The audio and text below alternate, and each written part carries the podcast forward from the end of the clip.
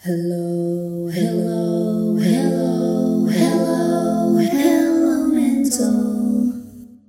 Hai guys, kembali lagi bersama aku Elga Diana di podcast Hello Mental. Kalau di episode sebelumnya aku ngebahas tentang psychological abuse sebagai part 2 di Toxic Relationship Ministries. Di episode kali ini aku akan membahas tentang physical abuse. Physical abuse ini atau yang lebih dikenal sebagai kekerasan fisik di negara kita udah sering terjadi dalam banyak hubungan asmara, mau itu di antara orang-orang yang berpacaran maupun di dalam kehidupan berumah tangga. Apa aja yang bisa dikatakan sebagai physical abuse di antaranya itu menggigit, mencakar, mendorong, menampar atau memukul, menendang, kemudian mencekik, mencubit dengan kasar, kemudian juga melempar barang kepada kamu, terus menggunakan senjata atau objek-objek yang bisa melukai kamu, kemudian termasuk juga nyetir ugal-ugalan ya. Pokoknya tindakan-tindakan yang bisa melukai kamu secara fisik. Ini semua perbuatan yang pastinya nggak ada satupun orang di dunia ini yang mau menerimanya karena ya emang sangat merugikan kan bagi korbannya. Tapi terus gimana ceritanya orang itu bisa ada di posisi itu, berada di dalam hubungan yang toksik macam itu yang melibatkan physical abuse? Ya pastinya sih ketika mereka terjun ke dalam hubungan mereka dengan pasangan abusive mereka itu mereka nggak tahu kan kalau hubungan mereka itu akan berakhir toksik mereka pastinya akan beranggapan awal mulanya ya beranggapan bahwa hubungan mereka dengan pasangan mereka itu ya normal-normal aja. Karena si pelaku kekerasannya juga di awal hubungan nggak mungkin kan langsung berbuat kasar berkata kasar. Pokoknya nggak mungkin langsung jadi orang yang abusive gitu di hadapan pasangan mereka kan. Pastinya mereka juga si pelaku abuse ini di awal hubungan tuh orangnya baik ya kan? Baik perhatian kemudian romantis mungkin. Pokoknya kelihatannya sih kayak normal-normal aja baik-baik aja gitu kan di mata pasangan mereka yang nantinya akan menjadi korban mereka. Nah perilaku manisnya para pelaku kekerasan ini di awal hubungan kebanyakan secara nggak sadar atau secara nggak disadari itu sebenarnya mengandung red flags. Jadi seperti yang sudah dijelaskan di Toxic Relationship Part 1 di mana aku menjelaskan tentang red flags itu bermunculan dari awal hubungan asmara itu. Para pelaku kekerasan ini bakal memulai dengan mengisolasikan kamu dari orang-orang, dari keluarga kamu, dari teman-teman kamu, rekan-rekan kerja kamu, kemudian juga memanipulasi kamu dan menyalakan api kecemburuan patologis itu, kemudian juga gaslighting dan tidak memanusiakan kamu, membuat kamu merasa kamu itu kayak sampah dan menjatuhkan self esteem kamu.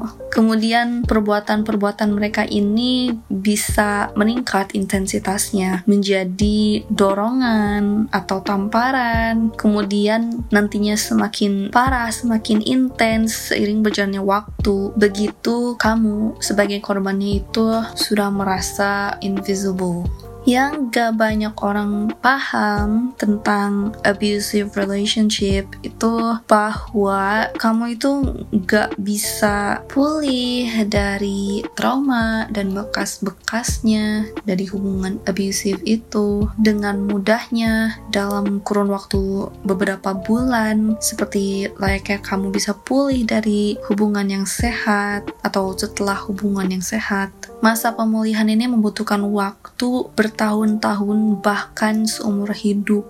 Kadang kamu gak akan pernah bisa pulih dari keadaan itu karena kamu udah terlalu trauma. Trauma kamu udah terlalu mendalam gitu subconscious brain alias otak sadar kamu itu mungkin bakalan lupa dengan banyak hal yang terjadi dalam abusive relationship kamu di masa lalu. Mungkin bakalan banyak ingatan yang hilang, yang kamu nggak ingat sama sekali terjadi dalam hubungan abusive itu. Tapi alam bawah sadar kamu, bagian subconscious brain kamu itu akan selalu ingat dan pengalaman-pengalaman seperti itulah yang akan tersimpan dalam subconscious brain kamu. Dan kemudian di masa yang akan datang, ketika kamu memiliki pasangan baru yang melakukan hal-hal yang serupa dengan yang dilakukan oleh abusive partner kamu di masa lalu, atau yang serupa dengan bagaimana abusive partner kamu di masa lalu itu berbuat terhadap perasaan kamu, meskipun sebenarnya pasangan kamu yang baru itu nggak abusive ya tapi hal-hal seperti itulah yang bisa membuat kamu tuh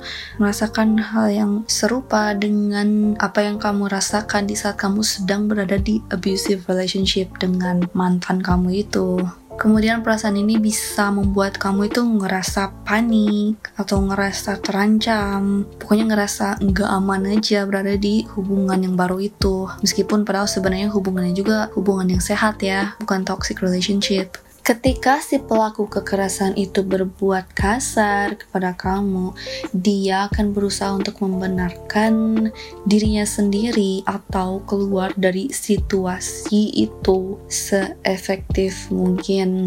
Seringkali si pelaku kekerasan itu nyalahin korbannya. Mereka bakalan nyalahin korbannya atas atau menuduh korbannya atas apa yang si korbannya itu lakuin atau apa yang si korbannya itu bilang sehingga membuat si pelaku kekerasan itu menjadi kasar Selain itu, mereka juga bisa jadi nyalahin keadaan stres mereka. Misalkan kayak karena mereka lagi stres, karena mereka lagi di bawah tekanan, jadi mereka tuh berbuat kasar terhadap pasangan mereka atau mereka juga bisa nyalahin masalah-masalah kesehatan mental mereka. Jadi misalnya tuh kayak aku tuh lagi depresi, jadi wajar kalau aku berbuat kasar. Seharusnya kamu tuh ngertiin aku. Seharusnya kamu tuh sabar ngadepin aku. Semacam itulah. Padahal nih ya mestinya masalah kesehatan mental kamu mau itu anxiety disorder, depresi, PTSD, trauma atau apa pun itu sebenarnya itu tuh nggak bisa dijadikan sebagai alasan untuk kamu berbuat kekerasan terhadap pasangan kamu atau siapa pun. Karena kekerasan itu abusive behavior itu emang nggak bisa ditolerir oleh siapa pun dan dalam keadaan apa pun dan dengan alasan apa pun. Kemudian ya sering juga si pelaku kekerasan itu ngerasa bersalah dan bahkan sampai meminta maaf kepada pasangannya yang menjadi korbannya itu atas tindakan kekerasan mereka. Mereka tuh bahkan meminta ampunan, pokoknya bener-bener minta maaf dan berjanji bahwa mereka itu nggak akan pernah berbuat kasar lagi. Dan emang sih sering kalinya tuh mereka tulus gitu. Minta maafnya benar-benar minta maaf benar-benar tulus atas segala perbuatan buruk yang pernah mereka lakuin terhadap pasangannya. Yang justru ini bakalan bikin lebih susah bagi si korbannya untuk meninggalkan hubungan itu si pelaku kekerasan ini bisa aja menyesali perbuatan buruk mereka, tapi bukan berarti perbuatan mereka itu bisa dianggap baik-baik aja. Bukan berarti ya nggak apa-apa gitu. Dan bukan berarti si korbannya itu harus menerima penyesalan dan permintaan maaf si pelaku kekerasan itu dan si pelaku kekerasan itu ketika meminta maaf bukan berarti dia nggak akan pernah ngelakuin kekerasan itu lagi di masa yang akan datang.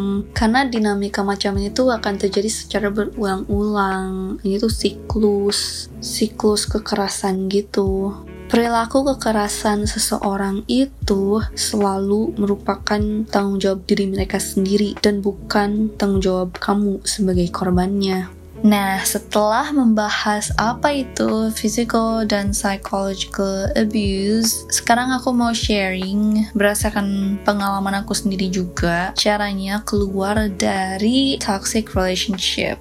I have to tell you guys that ini gak gampang ya. Keluar dari toxic relationship itu gak semudah yang kamu pikir. Karena di satu waktu kamu tuh ngerasa kamu harus keluar dari toxic relationship itu. Tapi di sisi lain, kamu juga masih menyimpan harapan bahwa toxic partner kamu itu eventually bakalan berubah dan bahwa kamu tuh cuman perlu bersabar sedikit lebih lama lagi aja sampai kamu tuh bisa merasakan buah dari kesabaran kamu gitu ya. Nah, pemikiran seperti ini sih yang paling susah to overcome, yang merupakan penghambat utama dan yang paling susah untuk dihadapi atau diatasi. Tapi bukan berarti mustahil ya. Kamu cuman butuh dorongan lebih lebih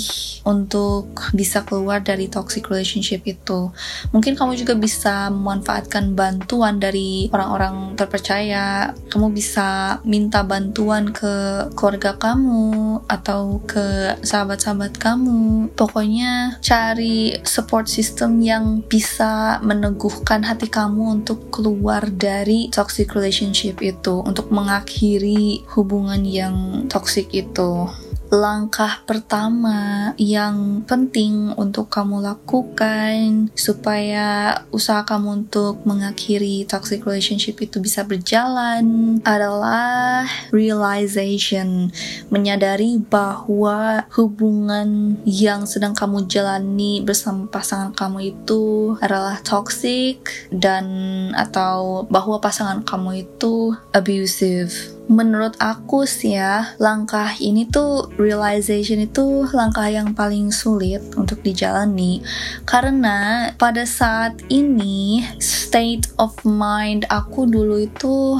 masih labil gitu ya. Maksudnya antara percaya dan gak percaya bahwa hubungan yang sedang aku jalani itu toxic. Karena masih ada harapan gitu di dalam benak aku bahwa si pasangan aku itu suatu hari bakalan berubah bahwa sebenarnya semua perilaku toksik dia itu cuman sementara atau bahwa aku hanya perlu mengenal dirinya lebih dalam lagi gitu supaya aku bisa lebih memahami dia gitu kan nah yang bikin aku benar-benar snapped out of it adalah kehadiran sahabat-sahabat aku waktu itu ya.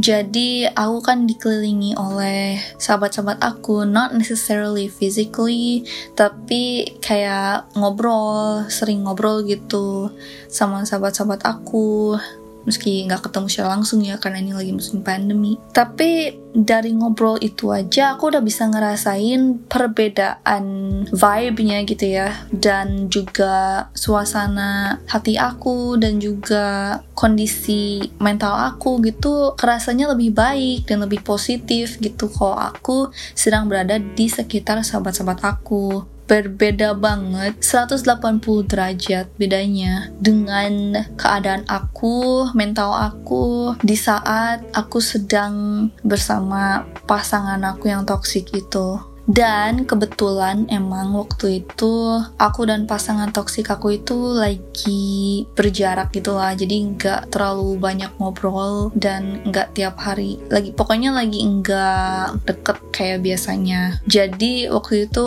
kondisi aku tuh lagi lebih dekat sama sahabat-sahabat aku dan si pasangan aku itu entah di mana gitu ya karena emang orangnya tuh suka hilang-hilangan probably just giving me the silent treatment, which, by the way, I just realized that I never explained it to you. Jadi, silent treatment itu kalau dalam bahasa Sundanya mungkin ngabaudan gitu ya. Tapi tanpa sebab dan benar-benar gak bisa dihubungin gitu. Dan mungkin nanti aku bakalan jelasin sih lebih rincinya silent treatment itu seperti apa. Karena penjelasannya cukup rumit dan aku takutnya ini memakan waktu yang lama. Jadi episode ini bisa jadi lama lagi bisa nyampe setengah jam lagi which I don't think any of us want. Anyway kembali ke topik. Jadi pokoknya waktu itu aku dan pasangan aku lagi bicara kan.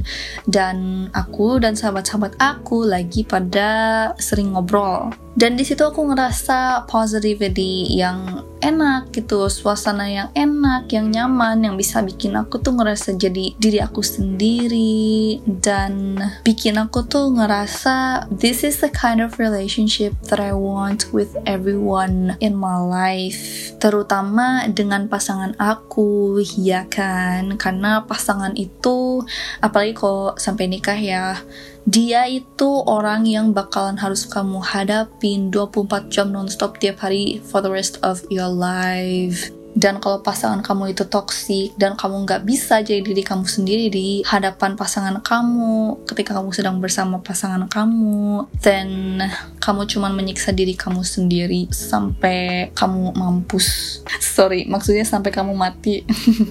Kemudian ketika aku udah menyadari bahwa macam hubungan yang sedang aku jalani bersama mantan aku yang toksik itu bukanlah macam hubungan yang pengen aku miliki, jalani dalam hidup aku, aku langsung memutuskan bahwa I don't deserve to be treated like this. No one deserves to be treated like this. Aku tuh gak pantas diperlakukan seburuk ini oleh pasangan aku. Dan gak ada satu orang pun di dunia ini yang pantas untuk diperlakukan seburuk itu oleh pasangannya. And I would never wish that upon anyone. Tapi, you know, karena aku udah terlalu lama berada di dalam toxic relationship itu, jadi aku masih ragu untuk meninggalkan toxic relationship itu. Karena segala keputusan itu aku ambil sendiri dan aku nggak cerita pada siapa pun tentang hubungan aku yang toxic itu dan pokoknya nggak ada satu orang pun yang tahu dan aku pun nggak tahu bertanya kepada siapa dan kalaupun aku tahu harus bertanya pada siapa, aku malu untuk mengakui mengakui bahwa aku sedang berada di dalam toxic relationship because it's just so embarrassing for me even now. Jadi aku takut salah mengambil keputusan pada waktu itu. Aku takut menyesal meninggalkan hubungan itu. Meskipun jauh di dalam lubuk hati aku, aku tahu bahwa aku tuh harus keluar dari toxic relationship itu. Jadi akhirnya aku bertanya pada diri aku sendiri, apakah hubungan macam ini yang pengen aku jalanin hingga akhir hayat hidup aku? Jawabannya bukan. Kemudian apakah orang atau laki-laki macam ini yang pengen aku hadapi hingga akhir hidup aku? Dan jawabannya bukan juga. Kemudian aku nanya lagi kan, apakah aku cukup kuat, cukup sabar untuk menghadapi hubungan macam ini karena barangkali emang udah takdirnya aku tuh diharapkan dengan macam hubungan yang toksik yang kayak gini.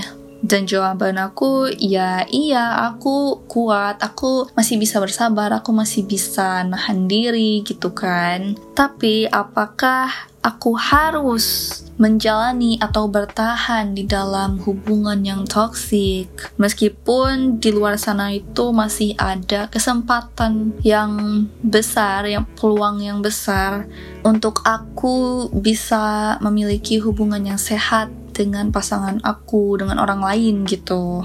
Ya aku jawab lagi enggak jadi ya kesimpulannya yang aku ambil waktu itu adalah bahwa aku harus angkat kaki dari hubungan ini, aku harus mengakhiri hubungan ini dan itulah yang aku lakukan right away. Udah cukup aku diperlakukan seperti sampah, udah cukup juga aku ngebiarin pasangan aku itu mengabaikan perasaan aku, tidak memvalidasi perasaan aku, dismissing my feelings completely Dan cukup sudah aku disalahin atas segala masalah yang terjadi di dalam hubungan aku dan pasangan aku yang toksik itu.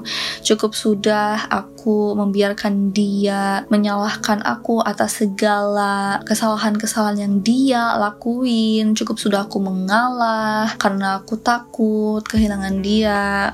Pokoknya cukup sudah aku yang meminta maaf atas semua kesalahan yang dilakuin dan atas segala kesalahan yang terjadi di dalam hubungan aku dan dia. I'm so sick of you. I'm so done with this relationship and I'm out.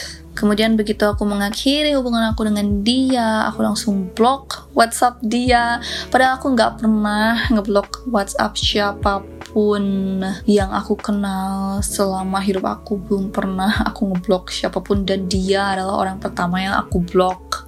Karena saking bersih kerasnya aku untuk keluar dari toxic relationship itu saking inginnya aku tuh untuk have my life back untuk bisa kembali lagi menjadi dalam tanda kutip orang yang normal gitu ya.